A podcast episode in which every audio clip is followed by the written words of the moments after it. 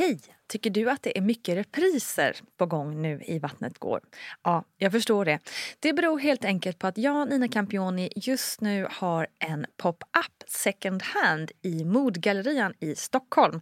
Så min tid räcker helt enkelt inte tid att göra så många avsnitt som jag hade önskat. Men tills jag är tillbaka på full tid, kom gärna och hälsa på mig i Modgallerian. Vi ses!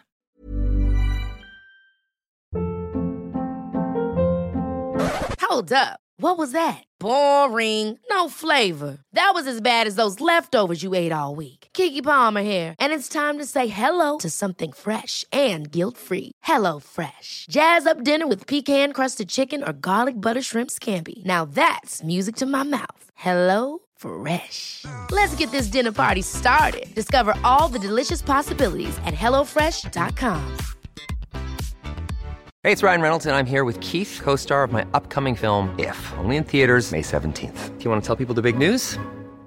All right, I'll do it. Sign up now and you'll get unlimited for $15 a month in six months of Paramount Plus Essential Plan on us. Mintmobile.com slash switch. Upfront payment of $45 equivalent to $15 per month. Unlimited over 40 gigabytes per month. Face lower speeds. Videos at 480p. Active Mint customers by 531.24 get six months of Paramount Plus Essential Plan. Auto renews after six months. Offer ends May 31st, 2024. Separate Paramount Plus registration required. Terms and conditions apply if rated PG. Cool fact a crocodile can't stick out its tongue. Also, you can get health insurance for a month or just under a year in some states. United Healthcare short term insurance plans, underwritten by Golden Rule Insurance Company, offer flexible, budget friendly coverage for you. Learn more at uh1.com. Quality sleep is essential. That's why the Sleep Number Smart Bed is designed for your ever evolving sleep needs. Need a bed that's firmer or softer on either side? Helps you sleep at a comfortable temperature? Sleep Number Smart Beds let you individualize your comfort so you sleep better together. JD Power ranks Sleep Number number 1 in customer satisfaction with mattresses purchased in-store. And now, save 50% on the Sleep Number limited edition Smart Bed for a limited time. For JD Power 2023 award information, visit jdpower.com/awards. Only at a Sleep Number store or sleepnumber.com.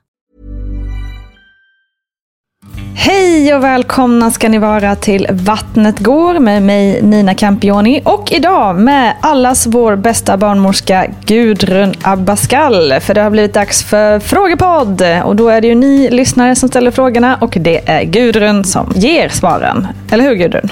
Ja, och äntligen får jag svara på era fantastiska ja. frågor. Jag lär mig, jag säger till mina jag lär mig mycket varje gång. Det är jättebra, även för mig personligen, att få det här. Och så tänk bara att nu när jag svarar på frågorna så är det ju då har ju jag min, min egen erfarenhet som jag baserar det hela på. Men sen har jag också fantastiskt många kloka kollegor, både barnmorskor, barnläkare och förlossningsläkare som jag kontaktar för att det ska bli så bra som möjligt för er. Mm. Så superexpertpanel skulle man kunna säga har vi tillgång till här. Eh, och har du en fråga till Gudrun och hennes kära vänner och kollegor så får du gärna skicka in det på gmail.com. Så tar vi med det nästa gång helt enkelt. Men vi drar igång helt enkelt. Och här kommer första frågan Gudrun. Hej Gudrun! Jag gillar att höra dig resonera om olika saker. Tack för dina kloka ord. Jag har gått igenom två ofosterliga graviditeter men fått väldigt dålig information och stöttning i detta. Så min undran är egentligen vad är det här med ofo alltså, vad är ofosterliga graviditeter och vad beror en ofosterlig graviditet på? Och kan en sån graviditet påverka mina framtida utsikter att bli gravid eller att gå igenom en lyckad graviditet? Tilläggas bör också att jag hade tre missfall och en lyckad graviditet under ett och samma år. Det är nog den värsta tiden i mitt liv och jag blev otroligt fysiskt och psykiskt trasig och jag kommer alltid minnas den tiden som ett mörker. Ja, det lät tufft, minst sagt. Ja, det, verkligen. Det blir ju väldigt, väldigt lång tid som man är gravid när det ena mm. missfallet efter det andra och så kan mm. man väl föda barn emellan alltihopa. Mm. Hela ens liv fastnar ju otroligt. Ja, det här med ofosterlig graviditet, det är ju någonting som vi inte det är ju inte så himla lång tid som jag vetat så mycket om det, därför att oftast är det ett missfall som sker ganska tidigt. Och för att man ska veta att det är ofosterligt, ofosterligt att det inte är något foster i graviditeten, så måste man nästan titta med ultraljud innan, för de här, mm. annars är de här eh, missfallen ganska så pass, regel så pass tidigt så man ser inte liksom på när man får själva missfallet om hur, vad som finns i det så att säga. Så. Mm. Och det jag har försökt och eh, ta reda på, på hur det är egentligen så kan jag säga att, att man kan inte hitta någon riktig förklaring utan det är bara att det blir, sker en befruktning alltså mellan ägget och spermien och sen så blir det en moderkaka och det blir en hinsäck så att säga. Men inget foster i det så att säga. Så att det är någonting som är fel på vägen och vi vet att många ägg och, och spermier eftersom vi har så fruktansvärt många så finns det ju någon, eh, vissa av de här som inte är fullt utbildade liksom för att det ska kunna bli ett barn barn. Ofta så, så, som tur är så, eh, så har de flesta äggen och spermierna bra ändå. Men just de här tidiga missfallen och ofostriga eller om det är något form av foster så, så handlar det om att det är någon missbildning i den här starten eh, på det sättet. Så att säga. Men, men man har ju med en ofostrig graviditet så har man ju samma symptom till exempel. Det kan vara bra att veta så att man kan inte säga att, att det är annorlunda på det viset. Man känner sig gravid och brösten är spända och så vidare. För det är ju hormonerna i moderkakan, det som bildas i moderkakan, det är de som, som orsakar de här symptomen som man har av graviditet. Men det är ju lika tufft ändå oavsett vad det är därför att man Ja, har ju ändå och nu för tiden när man också på gott och ont så tidigt vet om, kan ta reda på om man väntar barn eller inte, eller om man är gravid eller Mm, inte. Så var det inte förut, utan då skulle man ju helst ha gått, kanske eh, man ska ha missat en mens och när det är dags för nästa så börjar man forska i där om man var gravid eller Mm. inte. och så vidare. Idag så är, vet man ju nästan det finns ju kvinnor som tar reda på innan mensen ens, nästa mens har, har startat så kan man gå ta reda på är jag gravid eller inte. Så att därför så, så vet vi inte så mycket om det för att det här är ny, ny kunskap som vi har kring, kring det hela, de här väldigt tidiga missfallen. Så att säga. Så, Just det. som oftast tidigare såg man som en försenad menstruation Ja. och så var det ett missfall. Så. Ja, just det. Så då vet man inte heller så mycket kanske om en sådan graviditet kan påverka ens framtida utsikter Nej, alltså det är ingen, liksom. när jag då, då pratar med Katarina och så vidare, så, här, så alltså det är ingenting sånt där som, som, som påverkar nästa graviditet. För det har ju egentligen ingenting med livmoder eller eh, Nej, någonting sånt att göra, utan det här har att det är fel ägg och spermier som har... Att oddsen var emot den just där. Liksom. Så att om man ska spekulera i det, om man får göra det, så kan man säga att nej, man kan inte säga att det har med, med själva eh, hur man är konstruerad eller hur man är, utan det är ägget och spermien som det är någonting Mm. som är vajsen på där som gör att det blir så här. Ja, ledsamt oavsett naturligtvis och vi Absolut, önskar absolut. lycka till framåt. Och just det här tre stycken, Ja, det, alltså. det tycker jag det, det är ju inte så vanligt att, man, att det är så pass många missfall. ofta så brukar man ju då gå igenom en undersökning och ta, gå tillbaka mera liksom i vad anledningen till den är, om man har så pass många Mm. missfall på varandra.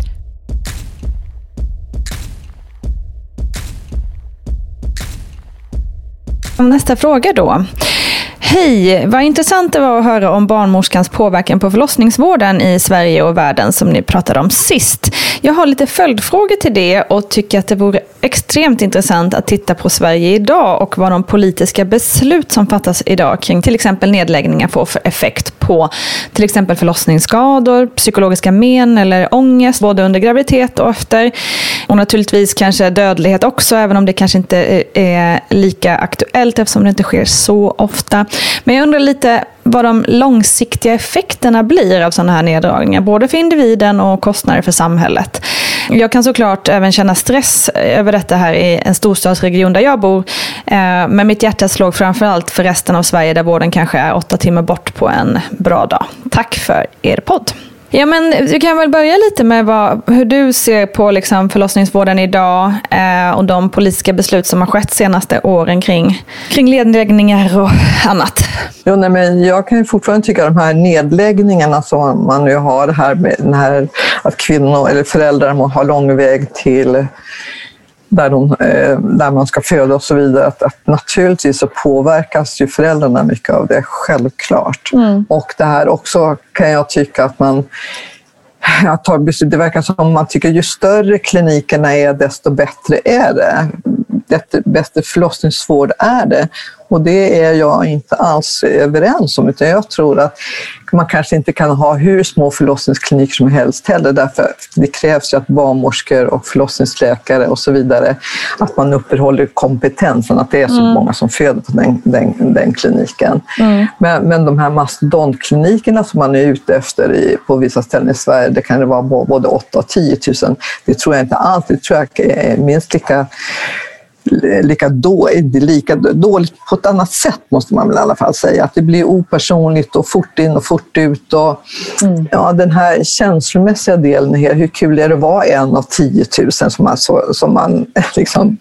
Eh, så att, eh, jag kan tycka att, att det är fel. Om man har ju tittat på det här och man, till exempel WHO säger så här att ja, men någonstans kring 3-4 tusen, det är väldigt bra, så upp till 6 000 så får mm. man just det, helheten i det hela. Man får både den här mycket hög kompetens när det gäller födande men också att en känslomässig trygghet för föräldrarna och så vidare. Så jag, jag, kan tycka att det här får man stoppa upp. Sen är det ju också det där hur att man ersätter, förlossningsvården är väldigt dåligt ersatt. Så att om, om man, jag fick bestämma nu, alltså en förlossningsklinik igen, så skulle jag, för att jag behöver få in mera personal så att man kan vara, det kan vara en barnmorska kontinuerligt inne hos föräldrarna hela tiden. Mm. Alltså, så att det inte behöver springas in och ut och det kommer olika människor. För att få bort den här rädslan och otryggheten som det gör när man måste vara ensam och känna att man behöver stöd och hjälp. Mm. Så där finns det ju mycket, tycker jag, att göra, eh, göra mera för att man skulle satsa mera på det. Men, men det är precis som det, man tittar på statistiken och då är det ju bara medicinstatistik, den här känslomässiga delen som är otroligt Nej, viktig för föräldrarna resten av livet. Och det är därför som jag är övertygad om man tittar på kvinnor som är förlossningsrädda, alltså partnern är förlossningsrädd, så beror det, men det tar man inte hänsyn till liksom, på det viset. Nej. Det pratar man inte om och det kör man, säger man inte. Men det andra, och, alltså, båda två är minst lika viktiga. En rädd mm. kvinna som, som, som föder barn så vet vi att det blir mera medicinska komplikationer. Det finns ju hud precis det med verksvaghet som vi pratar om. Mm. Men det där, det där är väldigt intressant det här när hon också är inne på det här med kostnader för samhället. För det känns som att man tittar på kostnader på och så skär man ner, skär man ner och skär man ner och så glömmer man bort det här med det mentala.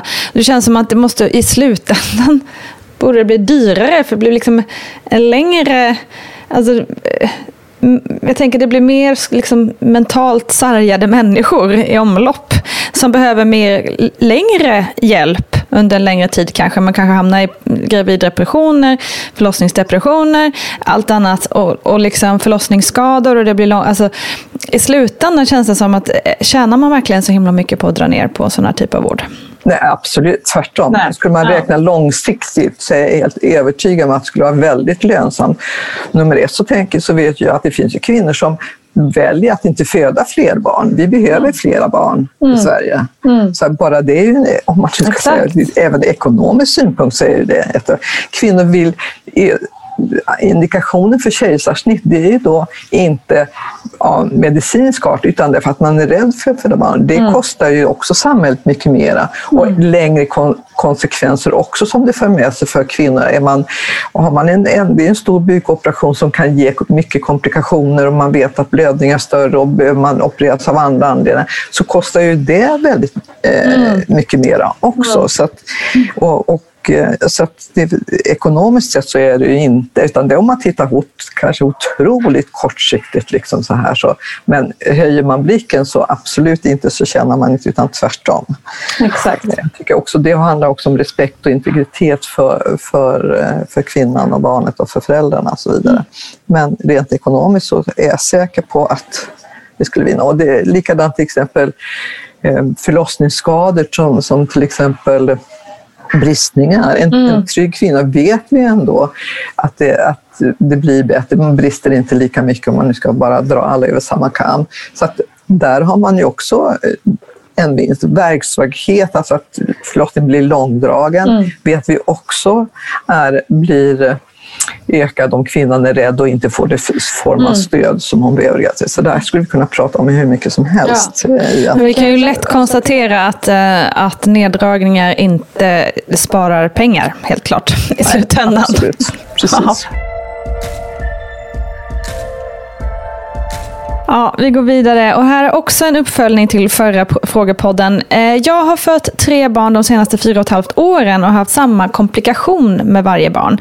Jag har haft både rätt snabba förlossningar och haft placentaretention. Antingen att hela moderkakan sitter fast eller att delar har kommit ut. Vilket lett till att jag blött 1,5, 2,5 respektive 2,5 liter blod varje gång. Det har förstås blivit lite bråttom iväg till operation för att kunna manuellt gå in och plocka ut moderkakan efter förlossningarna. Men jag har inte upplevt att det varit livshotande eller svettigt för vårdpersonalen.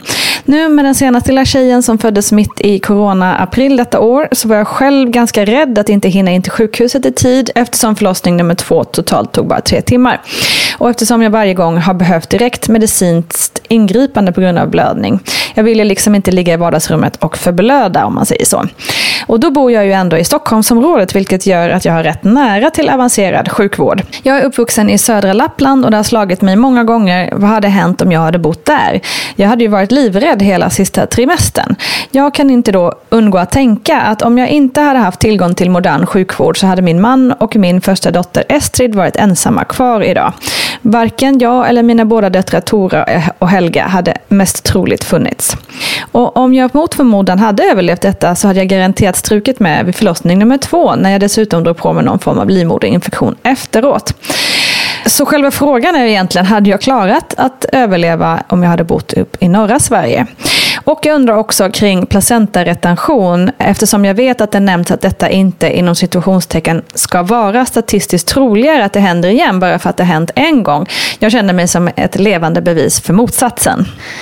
Ja, så det var två olika frågor där helt enkelt. Hon fick ju stora komplikationer här med moderkakan på alla sina förlossningar. Mm. Nu bor hon i Stockholm och det gick ju då ändå bra. Men låt säga att hon hade bott i Lappland där hon är uppvuxen. Hade det gått lika bra tror du? Alltså för mig är det svårt att svara precis. Om man bara pratar om det här med placentaretention. Mm. Och för mig som barnmorska inom professionen, så när vi pratar om placentaretention, då innebär det att hela moderkakan sitter fortfarande fäst mot livmoderväggen. Mm. Och så länge den sitter kvar och är helt fäst som en tapet på insidan, då blöder inte kvinnan någonting. Så att man kan ha alltså moderkakan kvar inne i livmodern utan att det händer någonting. För det är när den börjar lossna och det är okay. då man börjar blöda så att man får skilja det. på det här i, i det hela. Mm. Det är mm. då blödningen uppstår. Och när man börjar blöda, ja då är det, ju, då är det verkligen bråttom.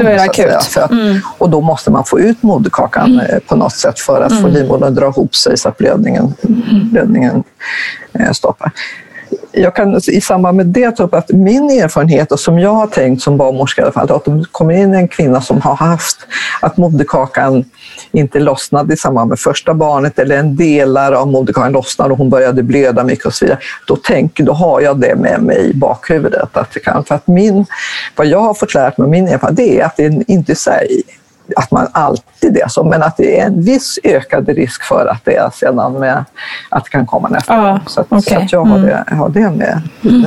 Mm. Man är ändå beredd på att det kan hända igen. Liksom. Ah. Och därför så, så, brukar när jag har haft samtal med kvinnor då som har haft det här, då brukar jag alltid säga att hör av dig, när, så fort du känner att verkarna börjar, så hör av dig till den klinik där du, som du ska föda på, så att du kanske åker in tidigare om du har den här komplikationen med dig bakom dig så att säga. Så att du kommer in i ett tidigare skede. Det är till och med så att jag har också varit med, med om att man har tagit in kvinnan innan förlossningsarbetet har startat överhuvudtaget för att mm. då kanske sätta igång förlossningen så att man har mm. övervakning och man är med hela vägen på det, på det sättet. Och det är lite så man får jobba då kanske om man bor längre upp i landet och har väldigt långt till. Eh, närmsta förlossning. också på, på vissa ställen att man kanske får, om man har nu så att det är massor med timmar och massor med mil att man kanske får flytta dit och bo på, på patienthotellet ja, innan. Så där måste man ju prata igenom och gå i vad har man ja. med sig i bagaget. Det mm. måste man alltid, tycker jag, ta upp när man föder barn nummer två, tre, fyra. Vad har kvinnan för, för erfarenhet, vad man har med sig i bagaget och vad mm. kan påverka. Och så, får man hitta, så finns det ju lösningar idag att göra då mm. på det här viset, tycker jag. Mm. Ja, det är inte helt enkelt dessa dagar, det får vi säga. Men det här är ju inte så att det kom ihåg att inte allt drabbar alla. Men Nej. som barnmorska så har jag det i bakhuvudet i alla fall. Att jag, jag tänk- vill tänka så.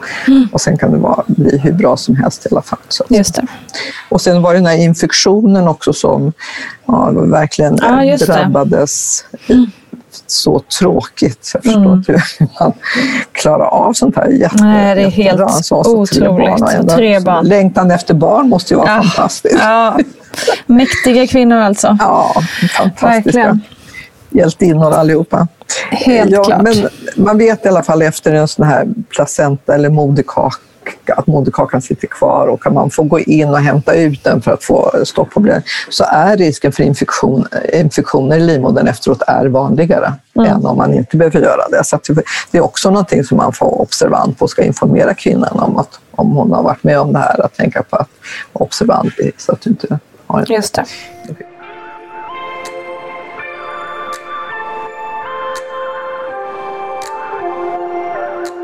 Hej! Jag är gravid med barn nummer två i vecka 30 och har lite funderingar över smärtlindring inför förlossningen. Med första hade jag bara lustgas, men nu känner jag mig mer öppen för en EDA och även PDB, alltså bäckenbottenbedövning, men har hört lite olika om dem. Det verkar ju super när jag läser om den och även hört från andra att den är toppen. Men varför används den så lite nu för tiden och vad är nackdelarna? Är det bra att kombinera att först ta en EDA och sen inför krystfasen ta en PDB? Undrar Erika. Ja, man kan säga om det, om det känns att smärta är något som jag absolut inte överhuvudtaget vill vara, vara med om, att fi- ta allt som finns, ja då är det ju då är det en, en ryggbedövning, alltså en epidural, en bäckenbottenbedövning, en pudendusblockad som, som gäller. Och samtidigt som jag ska vara lite ful i munnen ska jag säga att det finns inga fria luncher, man får alltid betala ett pris för det här. Eh, Så att för en, en ryggbedövning är ju perfekt om man inte vill känna någonting. Men samtidigt så vet vi att förlossningen tar, tar längre tid, så att säga. Att det är risken för att man behöver ge oxytocin, verkstimulerande dropp, är, ligger på 80 80 procent av de som får en ryggbedövning och konsekvenserna av eh, det så att säga. Så att, och det här att kissa, kanske ibland så kan det vara svårt att vara att alla olika förlossningsställen, det finns mycket sånt där då, men det där får man ju liksom testa av det. Men vill man ha bort smärtan så absolut, då är det det som är grejen. Och sedan så är ju bäckenbottenbedövning för, är är ju bra om man känner att när barnet ska föda fram, själva framfödandet, det, är- det är till för epiduralen, ryggbedövningen, den täcker själva öppningsskedet så kan man säga. Just det. Och så sedan när man ska krysta och barnet ska komma ut, själva bäckenbotten vill man känna, inte känna det här trycket så uttalat och smärtan och så vidare, ja då, är, då måste man lägga en bäckenbottenbedövning. Säga. Så det är två skilda funktioner. Så man kombinerar dem båda om man vill Och då försöka kan ha också, så så lite. vet vi här vid bäckenbottenbedövningen att att då kan det vara lite svårare att krysta spontant. Alltså man känner inte Ja, riktigt det. hur man ska trycka på. Och det kan bli mera forcerad kryssning och sen om det i sin tur kan leda till något mera bristningar eller någonting. Så det vet man inte riktigt säkert. Men det blir en mer forcerad förlossning i alla fall.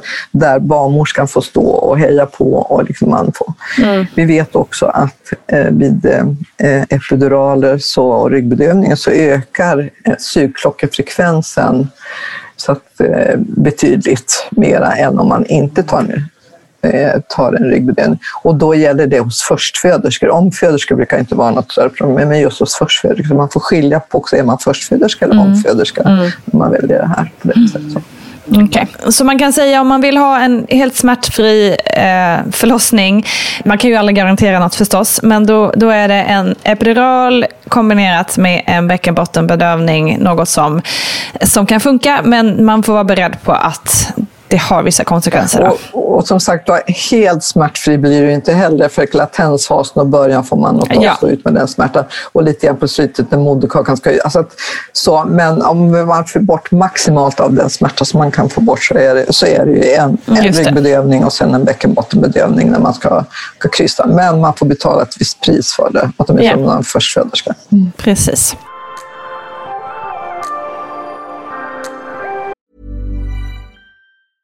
Cool fact a crocodile can't stick out its tongue. Also, you can get health insurance for a month or just under a year in some states. United Healthcare short term insurance plans, underwritten by Golden Rule Insurance Company, offer flexible, budget friendly coverage for you. Learn more at uh1.com.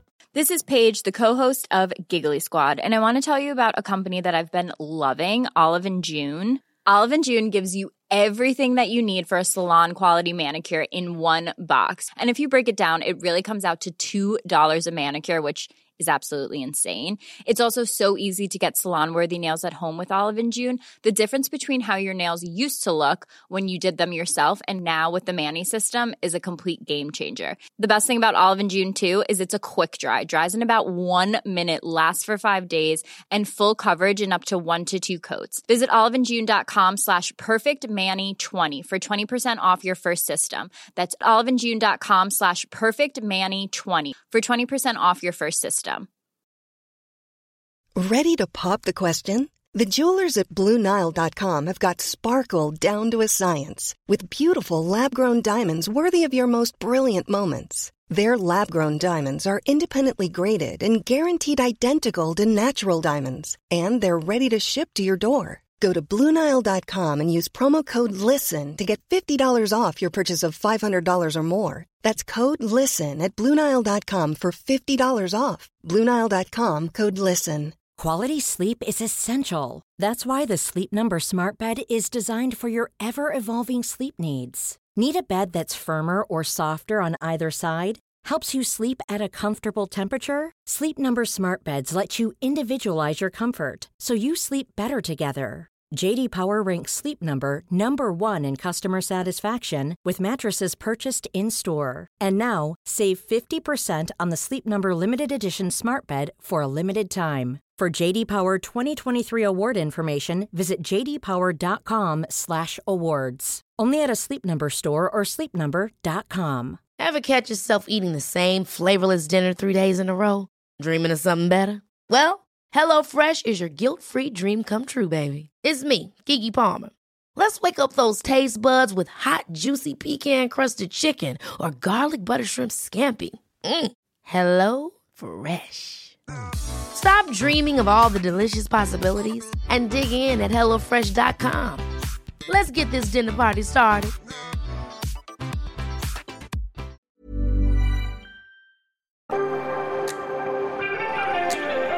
Okej, då tar vi nästa fråga. Hejsan! Jag har precis fått diagnosen PCO och undrar lite kring det. Hur bråttom är det egentligen för mig att försöka få barn?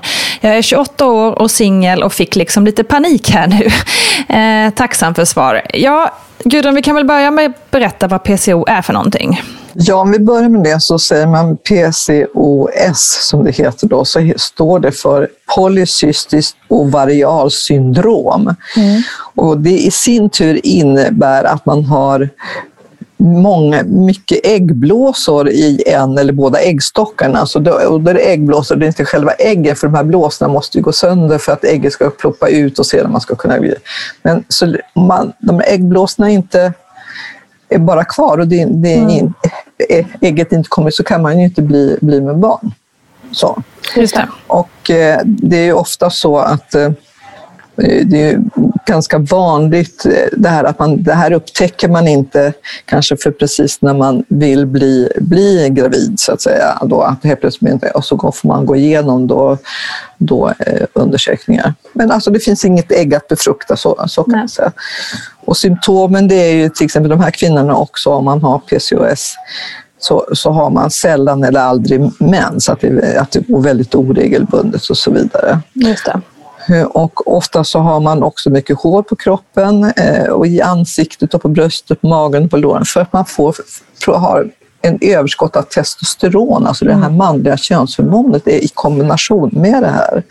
Så blir det. Man har också lätt att gå upp i vikt och, och så vidare. Och kan också faktiskt bli lätt deprimerad och lite håglös och nedstämd och så vidare. Och också minskat sexlust, det är vad jag kommer på. Men, men eh, det är det här med ägget liksom som inte, inte kommer ut, ut på rätt sätt. Och det här med att man har höga halter med testosteron. Jag vet inte om det då gör kombinationen att man inte får ägglossningen på, en ja, riktig ägglossning på rätt på rätt sätt så att säga. Och, Hur ska hon tänka här nu då? Eh, 21, 28 år, singel och, och ja, får lite panik helt enkelt? Ja, alltså jag tycker nog att man, är det så att man har väldigt, det här med menstruationen, att de är väldigt sällan, att man märker att man har det här med, med hår på kroppen och alltihopa det, så, så kanske man ska börja utredningen innan man ska innan man, man kommer på nu, nu ska vi skaffa barn eller nu ska jag mm. skaffa barn. Så att man gör den här utredningen tidigare, tycker jag i alla fall. Och då är det, här gäller ju sedan den biologiska åldern hela tiden, med 35 år. Så även om man har bra ägglossningar med ägg som funkar så blir det svårare sen. Så att eh, panik tycker jag inte. Och jag tycker ändå att man har blivit väldigt mycket duktigare på att följa upp och behandla den här typen av, av avvikelser som, som, man har faktiskt. Så, så att, men jag skulle nog, om, om jag går i de funderingarna, inte gripas av panik, men jag skulle ta, kontra, eh, ta kontakt med en gynekolog där man tar reda på hur ser det ut, hur ser det ut i ovarierna och hur ser hormonerna ut och att man mm. börjar utredningen där så att man är klar den dag som man har. Och då är det ju sen bättre att ju tidigare, alltså mellan 30 och 35, absolut, så att man, om man nu tänker på att man ska fundera på att att bli mamma. Så tycker jag Just att det, man ska ta det. Jag kan lugna dig som skickat in frågan med att jag har en kompis som eh, har PCO och har fått två eh, fantastiska barn efter 35 års ålder. Så att det, är, det är ingen liksom dödsdom på något sätt. Det behöver det inte vara. Um, alltså får, man, får man ordning på det, mm. liksom så, här, så att man får riktiga ägg, då är det, då är, det inga problem Nej. alls. Men man måste, man, måste ha menstru man måste menstruera, för annars har man ingen ägglossning. Yeah. det är det man måste ta reda hur ligger man hormonellt till. Ja. Och man brukar rekommendera om man är överviktig att man går ner i vikt och ja, det här vanliga. Så. Just det.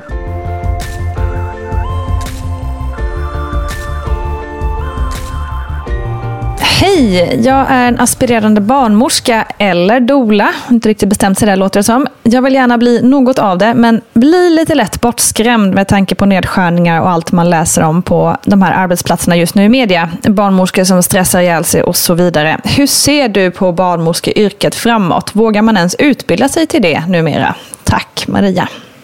Ja, alltså det är det enda säkra jag vet om jag skulle börja nu. Så det är klart jag skulle bli barnmorska. Det finns väl inget annat.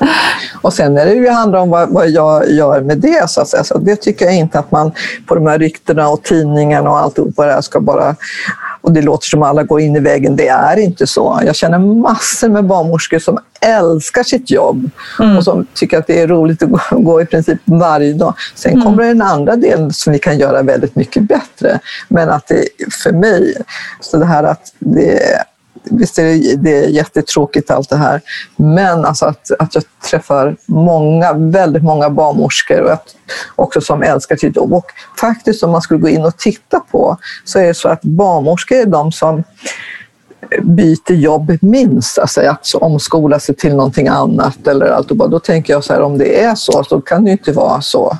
Nej, det säger ju ganska mycket. Det är en jättetuff mm. situation och, och jag tycker att man skulle behöva utbilda mycket mer så att man lättade det här trycket, för det är ju mm. det som är grejen, att, man, att, det, att det stundtals är väldigt mycket att göra eftersom man kan ju aldrig planera verksamheten. Nej, just man vet ju aldrig liksom, nästa dag man kommer till ett jobb hur mycket det är och hur bemanningen ser ut. Så, så att, visst, det är en form av stress.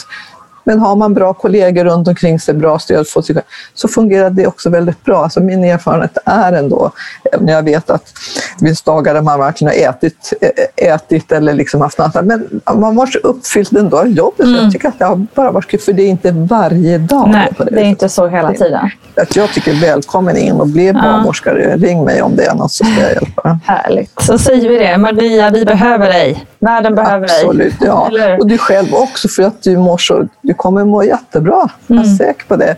Om det, om det är det här du verkligen vill, att ställa upp och stötta kvinnor och föräldrar att, eh, inför att föda sitt barn och bli en familj Exakt. och allt. Så här. Mer bekräftelse kan man aldrig få. Nej. Så att, välkommen. Underbart. Då Gudrun har vi en fråga om efterkontroll. Det här väldigt heta ämnet. Min barnmorska menar att efterkontrollen kan utföras via telefon nu i covid-tider. Jag däremot vill ju gärna ha en fysisk efterkontroll där barnmorskan verkligen kollar så att allt ser bra ut. Där tänker jag främst på knip och snippan i allmänhet. Men vad bör man egentligen begära av en efterkontroll? Vad är viktigt att barnmorskan kollar? Jag känner att jag inte har så stort förtroende för att min barnmorska faktiskt kommer kolla något när hon lika gärna kunde ta detta via telefon. Och vill därför vara lite mer påläst själv om vad man bör kika efter på en efterkontroll. Tack på förhand. Ja du, efterkontroll alltså, nu på telefon. Upprörd, jag bara stammar. alltså, jag vet inte om jag vill än ta i det här. Utan jag får ju bara be om ursäkt och beklaga att att eh, den här barnmorskan måste ju ha haft någon hjärnsläpp Ja, eller hur? Så ja. tänker jag också spontant. Det kan väl inte vara okej? Okay.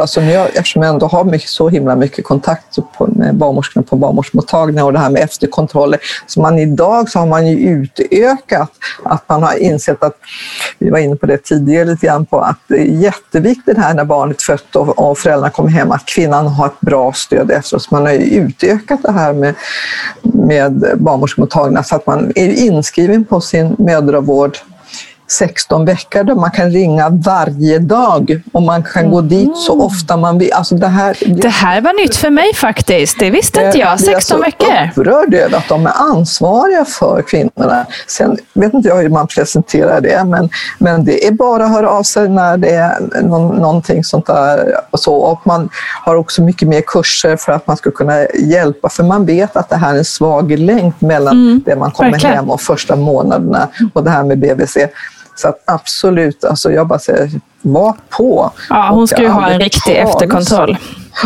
Och jag har aldrig talat om att man skulle göra det per telefon. Det kan man kan. Nej göra det för att man ska ta, man ska ta både blodtryck och kontrollera det här med om det har varit en bristning och bäcken, inte bara bristning, även om det har brustit någonting, då ska man då göra vissa kniptest och man ska undersöka slidan och titta på, på, på blygläppar och på klitoris och allting, att allting ser, ser bra ut och slemhinnan. Och, mm. Så att det är en, tycker jag, en stor grej att göra. Så ja, det, så det är både en, en fysisk undersökning och ja. naturligtvis också ett snack rent mentalt. Ja, och så, sen tycker jag också att man, att man också ska få prata om sin, sin förlossning ska ju ingå i det här också. För mm. Man behöver bearbeta den yeah. också. Där har ju barnmorskan på din mödravård, som pratar, så har ju tillgång till, till din mödravård. Så det är jätteviktigt att mm. både den här känslomässiga delen men också den fysiska delen mm.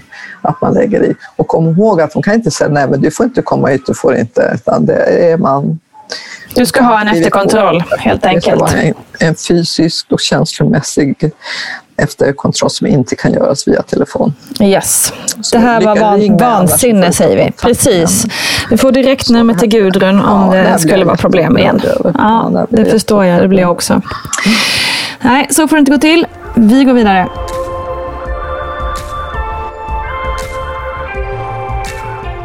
Hej! Vad jag förstår så brukar förlossning av andra barnet generellt gå fortare än första. Min första förlossning gick väldigt fort, sex timmar från första verk till bebis kom ut. Och det får mig att undra över en potentiell andra förlossning, kommer den troligtvis gå ännu snabbare då? Ja, och det här är ju intressant, för det, det säger man väl generellt att det går snabbare eh, vid nästa förlossning och så vidare, men det är ju inte en, en, liksom, en regel som alltid är så. Nej, det är väl det som är det svåra med det här. Man kan prata statistik och man kan prata evidens, men sen vad som händer i det enskilda fallet mm. är helt omöjligt. Mm.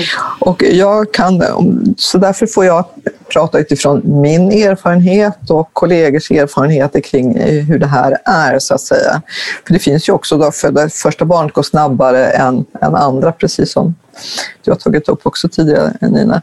Men annars är min erfarenhet är nog att de här riktigt snabba, då eh, sex timmar från första verk tills bebisen kommer ut, det är ju väldigt snabbt som en förstföderska. Mm. Men jag tycker att de som har riktigt snabba födslar, då, då brukar första och andra bli, brukar bli inte, det är inte så att det går dubbelt så fort som man, man tänker tidigare, men det går snabbt. Så att man ska ju vara på alerten och tänka att det gick snabbt förra gången. Ring in och berätta i telefonen att det gick snabbt förra gången så att man inte börjar prata om att stanna hemma längre och så vidare. Ja, det. Men det är inte så att det accelerera på samma sätt som du har haft en en, en förlossning på 24 timmar så kanske nästa gång tar 12 timmar. Så att det inte halveras inte på något sätt. Det är inte min erfarenhet om man ska titta generellt. Nej.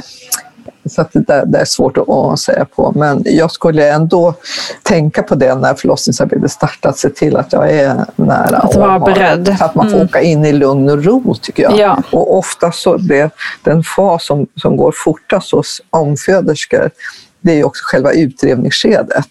Alltså från att det är fullvidgat och nedträngningsfasen.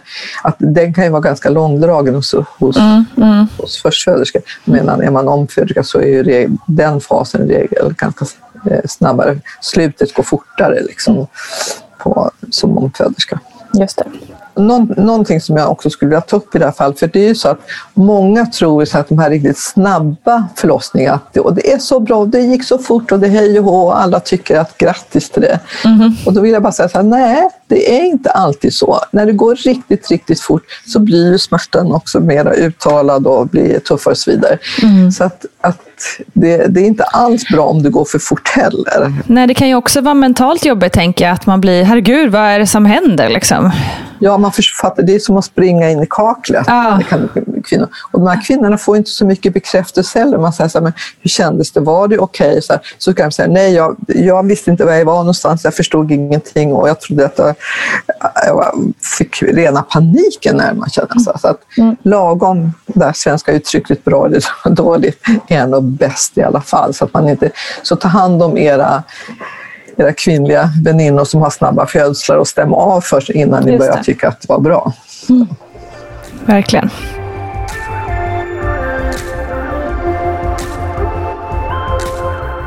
Vi har kommit till sista frågan Gudrun. Nu kör vi. Hej och tack för en fin podd. Eh, jag undrar om ni kan ta upp om det finns en koppling mellan att ges syntetisk oxytocin vid förlossning och risken för förlossningsdepression. Jag blev nämligen så himla orolig när jag läste om detta eftersom det verkar vara så vanligt med till exempel verkstimulerande dropp. Tack på förhand.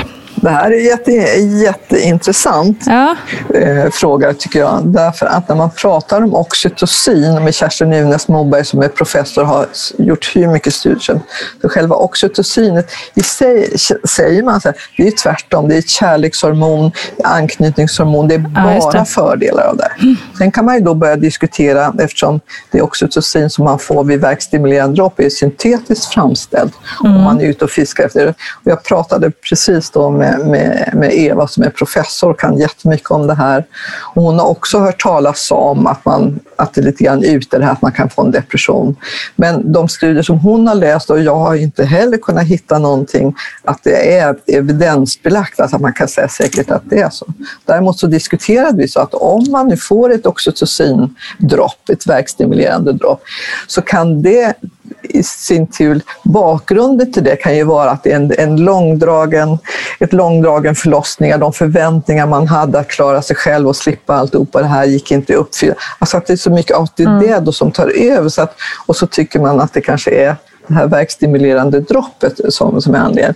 Men alltså, det här spekulerade vi och diskuterade vi en del kring. Att, att, eh, men det finns inga studier eller någon evidens som, som säger att det Nej. är så. Men eh, vi, det kanske kommer en forskningsstudie på det framåt, vem vet? Men eftersom jag tror att många kvinnor också som får verkstimulerande dropp, de får ju andra komplikationer också som alltifrån sugklocka, att man mm. kanske blöder lite mer, de upplever smärtan värre än någon som kvinnor som inte får det. Så att det är så mycket saker som är involverade i det och då plocka mm. ut oxytocin som en enskild faktor när innan man ger oxytocin så har kvinnan kanske hamnat i en situation som inte alls blev som hon hade tänkt sig, som hon mår dåligt av också. Så vad, vad, vad är vad? Så vad är hönan, vad är ägget? Lite svårt att, att reda ut helt enkelt. Men intressant frågeställning, helt klart. Där får vi sätta stopp. Det var många härliga frågor den här veckan. Tack så hemskt mycket Gudrun. Vill man ställa sin fråga till Gudrun så mejlar man bäst till vattnetgar.gmail.com så tar vi helt enkelt upp din fråga också framåt. Men eh, nu tackar vi för oss va? Absolut och eh, ja, så roligt och som sagt igen, jag lär mig jättemycket. Det är så intressant. Hur tänker ni där ute? Ja. Jättebra. Ja, precis, superintressant och tack för alla dina kloka svar Gudrun. Ha det gott alla som lyssnar. Hej hej!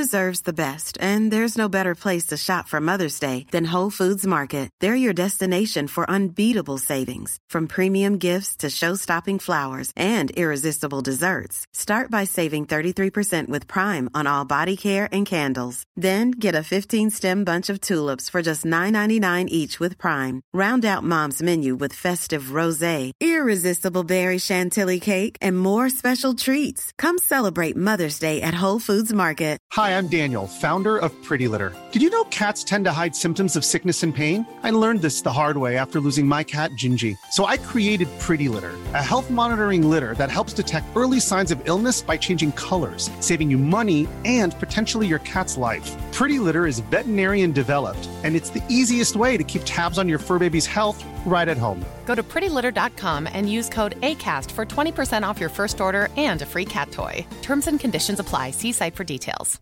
Mom deserves the best, and there's no better place to shop for Mother's Day than Whole Foods Market. They're your destination for unbeatable savings, from premium gifts to show-stopping flowers and irresistible desserts. Start by saving 33% with Prime on all body care and candles. Then get a 15-stem bunch of tulips for just $9.99 each with Prime. Round out Mom's menu with festive rosé, irresistible berry chantilly cake, and more special treats. Come celebrate Mother's Day at Whole Foods Market. Even when we're on a budget, we still deserve nice things.